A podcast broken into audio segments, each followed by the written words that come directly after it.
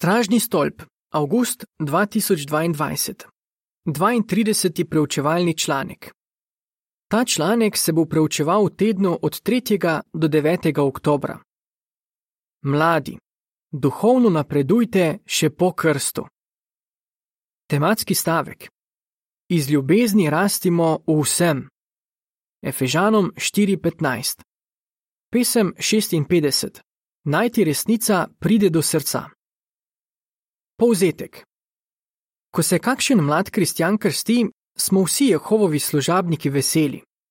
Seveda morajo novi učenci duhovno napredovati tudi po krstu. V tem članku bomo pogledali, kaj lahko pred kratkim krščeni mladi kristijani naredijo, da bi napredovali k zrelosti. Članek bo koristil tudi vsem drugim v občini. Odstavek 1. Vprašanje. Kaj dobrega so že dosegli mnogi mladi? Vsako leto se krsti na tisoče mladih kristijanov. Ali si se tudi ti že krstil? Če si se, so tvoji duhovni bratje in sestre zelo veseli in tudi Jehova je vesel. Pomisli, kaj vse si že dosegel. Marljivo preučuješ sveto pismo, morda že več let. Ob tem si se prepričal, da je sveto pismo Božja beseda. Spoznal in vzljubil pa si tudi avtorja te svete knjige. Tvoja ljubezen do Jehova je postala tako močna, da si se mu posvetil in se krstil. Vreden si vse pohvale. Odstavek 2. Vprašanje. Kaj bomo pregledali v tem članku? Na poti do krsta je bila tvoja vera gotovo že preizkušena na mnoge načine. Ampak v prihodnosti te čakajo nove preizkušnje.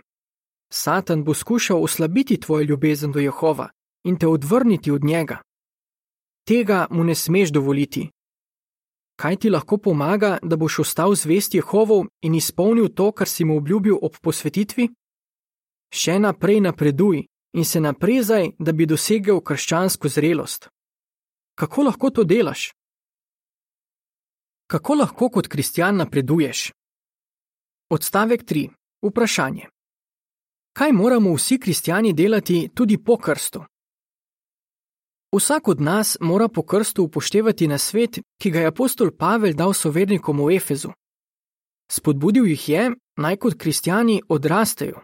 Drugače rečeno, morali so še naprej napredovati. Kaj je Pavel želel povedati? To lahko razumemo, če primerjamo duhovno rast s fizično rastjo otroka. Novorojenček je sicer v veselje in ponos svojim staršem, vendar ne more večno ostati dojenček, Sčasoma bo moral otroškost odpraviti. Podobno je s kristjanom. Tudi po krstu mora napredovati. Poglejmo nekaj predlogov, ki ti bodo pri tem pomagali. Odstavek 4. Vprašanje. Kaj ti lahko pomaga, da boš duhovno napredoval? Pojasni. Filipljanom 1.9.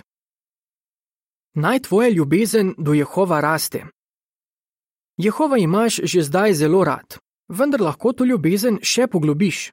Kako? Apostol Pavel je omenil en način v Filipljanom 1.9, kjer piše: Molim, da bi vaša ljubezen vedno bolj rasla in bi napredovali v točnem spoznanju in dobri presoji. Molil je, da bi ljubezen Filipljanov vedno bolj rasla. Tvoja ljubezen do Jehova lahko torej raste, Pri tem ti lahko pomaga to, da napreduješ v točnem spoznanju in dobri presoji. Bolj ko boš poznal Jehova, bolj ga boš imel rad ter cenil njegovo osebnost in ravnanje. Še bolj si mu boš želel ugajati in nikoli ne boš hotel narediti česa takega, s čimer bi ga razočaral. Prizadevaj si razumeti, kaj želi in kako lahko sodeluješ z njim. Odstavka 5 in 6. Vprašanje.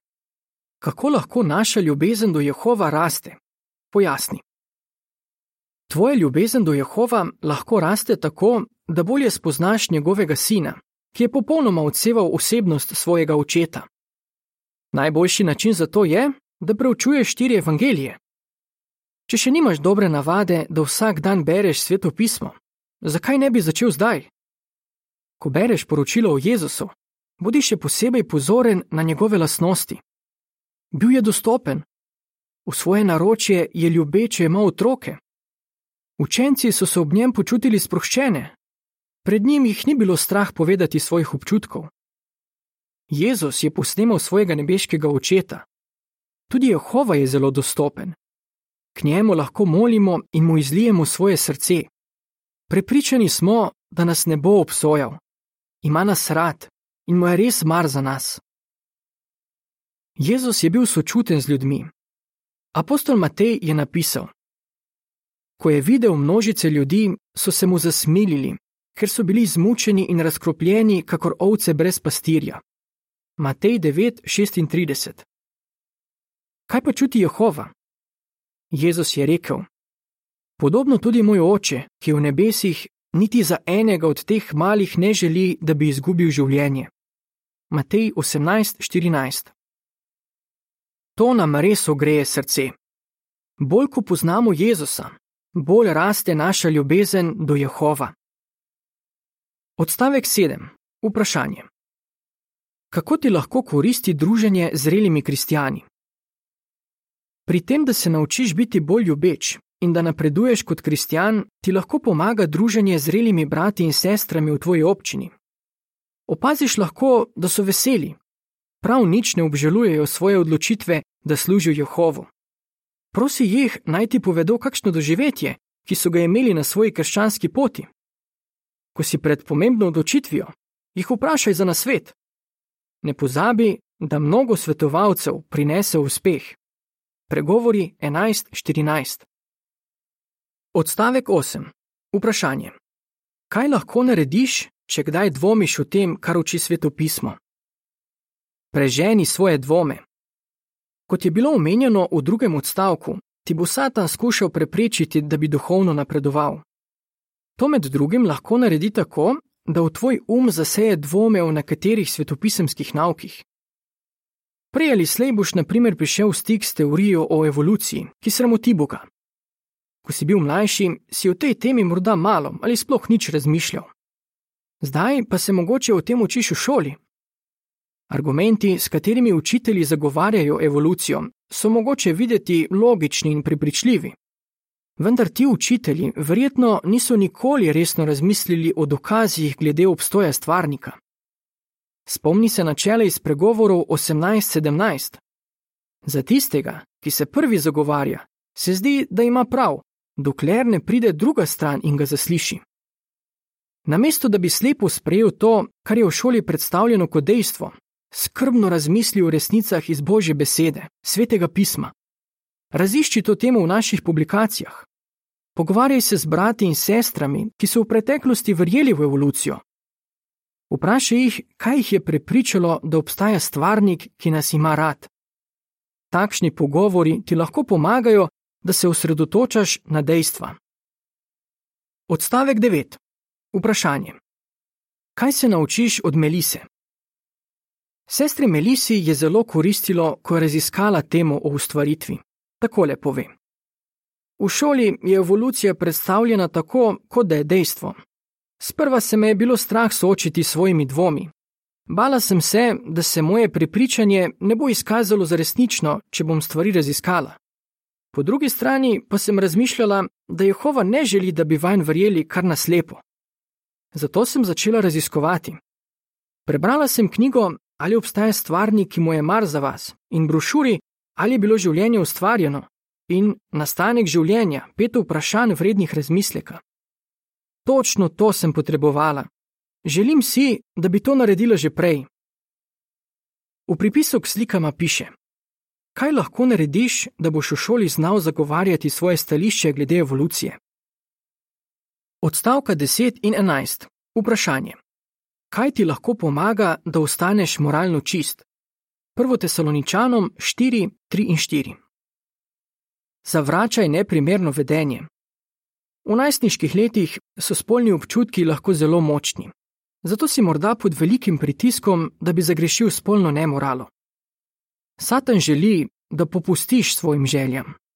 Kaj ti lahko pomaga, da boš ostal moralno čist? V prvem tesaloničanom 4, 3 in 4 piše: Bog želi, da ste sveti in da se vzdržujete spolne nemorale. Vsak od vas bi moral znati nadzorovati svoje telo, da bi ostalo sveto in častno. V svojih molitvah povej Jehovu, kako se počutiš, in ga prosi, naj ti da moč. Spomni se, da te Jehova ne obsoja, ampak ti želi pomagati. Pomoč lahko poiščeš tudi v Božji besedi. Prej omenjena Melisa se je težko upirala nečistim mislim. Rekla je: To, da sem vsak dan brala sveto pismo, mi je pomagalo, da sem se še naprej borila. Ob branju svetega pisma sem se spomnila, da pripadam Jehovu in da mu želim služiti.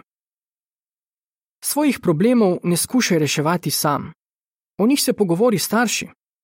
Seveda ni lahko govoriti o takšnih osebnih stvareh, vendar je pomembno, da to narediš. Melisa pravi: Molila sem za pogum in se na to v svoji težavi pogovorila z očetom. Zatem sem občutila veliko olajšanje. Vedela sem, da je Jehova ponosen name. Odstavek 12. Vprašanje. Kaj ti lahko pomaga, da se dobro odločaš? Naj te vodijo svetopisemska načela. Ko odraščaš, ti starši s časoma dajo več svobode pri odločitvah. Ampak še vedno imaš v življenju zelo malo izkušenj. Kako lahko preprečiš napake, ki bi poškodovali tvoje prijateljstvo z Jehovom? Sestra Kari pojasni, kaj je pomagalo, da je sprejemala boljše odločitve. Ugotovila je, da zreli kristijani ne potrebujejo pravila za vsako okoliščino. Takole pove: Morala sem razumeti svetopisemska načela, ne pa samo upoštevati pravil. Med branjem svetega pisma se vprašaj: Kaj mi prebrano pove o tem, kako razmišlja Jehova? Ali ta odlomek vsebuje kakšna svetopisemska načela, ki mi lahko pomagajo delati to, kar je prav? Kako mi bo koristilo, če jih bom upošteval? Če boš bral svetopismo in poglobljeno premišljeval o načelih, ki so v njem, boš lažje sprejemal odločitve, ki so všeč Jehovu. Ko boš duhovno napredoval, boš opazil, da ne potrebuješ pravila za vsako okoliščino, saj boš razumel, kako Jehova gleda na stvari. Odstavek 13. Vprašanje. Kako lahko na te vplivajo dobri prijatelji? Pregovori 13:20. Izberi si prijatelje, ki ljubijo Jehova. Kot smo omenili prej, lahko prijatelji, ki si jih izbereš, zelo vplivajo na to, da postaneš zrel kristjan. V pregovorih 13:20 piše: Kdor se druži z modrimi, bo postal moder, tistemu, ki se druži z neumnimi, pa se slabo piše. Sestra Sara ni bila več tako vesela pri služenju Jehovu. Na to pa se je zgodilo nekaj, zaradi česar je začela drugače razmišljati. Sara se spominja. Ravno ob pravem času sem dobila nekaj dobrih prijateljev. Z neko mlado sestro sva se vsak teden dobili in pročevali stražni stolp. Neka druga prijateljica mi je pomagala, da sem na shodih začela komentirati. Zaradi dobrega vpliva teh prijateljic sem začela bolj resno jemati osebno preučevanje in molitev. Moj odnos z Jehovom je postajal močnejši in spet sem bila vesela. V pripisu k sliki piše: Kakšne prijatelje si je izbrala mlada sestra? Odstavek 14. Vprašanje. Kako je življen našel dobre prijatelje? Kako lahko najdeš prijatelje, ki bodo dobro vplivali na te? Življen, ki je zdaj starešina, pravi: Ko sem bil mlajši, sem sklenil nekaj dobrih prijateljstev s tistimi, s katerimi sem oznanjeval. Ti prijatelji so bili goreči in so mi pomagali videti, da lahko na oznanjevanju res uživaš. Za cilj sem si postavil polnočasno službo. Poleg tega sem spoznal, da sem bil prikrajšan za dobro družbo in zanimiva prijateljstva, ker sem se družil samo z vrstniki. Kasneje, ko sem šel v Betelj, sem tudi tam dobil dobre prijatelje. Njihov zgled mi je pomagal, da sem bolj modro izbiral razvedrilo in se tako še bolj zbližal z Jehovom. Odstavek 15. Vprašanje. Kakšno opozorilo glede družbe je Pavel dal Timoteju? 2. Timoteju 2:20-22. Kaj če ugotoviš, da nekdo iz občine ni dobra družba zate? Pavel je vedel, da nekateri posamezniki v krščanski občini v prvem stoletju niso razmišljali in ravnali duhovno. Zato je Timotej opozoril, naj se ne druži z njimi. V drugem Timoteju 2:20-22 piše: V veliki hiši niso samo zlate in srebrne posode, ampak tudi lesene in ločene. Nekatere so za časten namen, druge pa za nečasten. Kdor ostaje ločen od slednjih, bo posoda za časten namen, posvečena, uporabna svojemu lasniku, pripravljena za vsako dobro delo. Beži torej od želja, ki so značilne za mladost, prizadevaj pa si biti pravičen ter ohranjati vero, ljubezen in mir. To delaj skupaj s tistimi, ki iz čistega srca zaupajo v Gospoda. Naše prijateljstvo z Jehovom je dragoceno. Za to prijateljstvo smo si močno prizadevali, zato nikomor ne bi smeli dovoliti, da ga poškoduje. Kako ti lahko cilji pomagajo duhovno napredovati? Odstavek 16. Vprašanje. Katere cilje si lahko postaviš? Postavi si koristne cilje. Izberi si cilje, ki ti bodo ukrepili vero in ti pomagali, da boš napredoval v krščanski zrelosti. Lahko se, na primer, odločiš, da se boš izboljšal v osebnem proučevanju in branju svetega pisma. Za cilj si lahko postaviš tudi to, da bi bile tvoje molitve bolj pogoste in kvalitetne.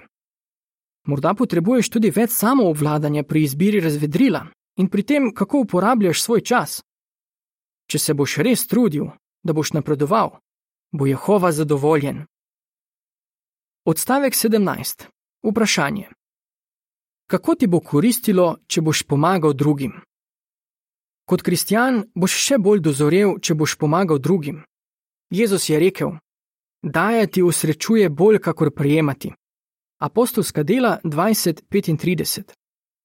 Zelo ti bo koristilo, če boš nekaj svojega časa in mladostne moči namenil temu, da pomagaš drugim. Lahko si, na primer, vzameš čas za starejše in oslabele v svoji občini. Za nje greš lahko po upravkih ali jim pomagaš pri uporabi elektronskih naprav. Če si brat, si prizadevaj, da bi postal strežni služabnik in to s ciljem, da bi služil bratom in sestram. Ljubezen do tistih, ki niso del občine, pa lahko pokažeš tako, da jim oznanjuješ dobro novico o kraljestvu. Če je možno, si postavi za cilj, da bi sodeloval v eni od oblik polnočasne službe.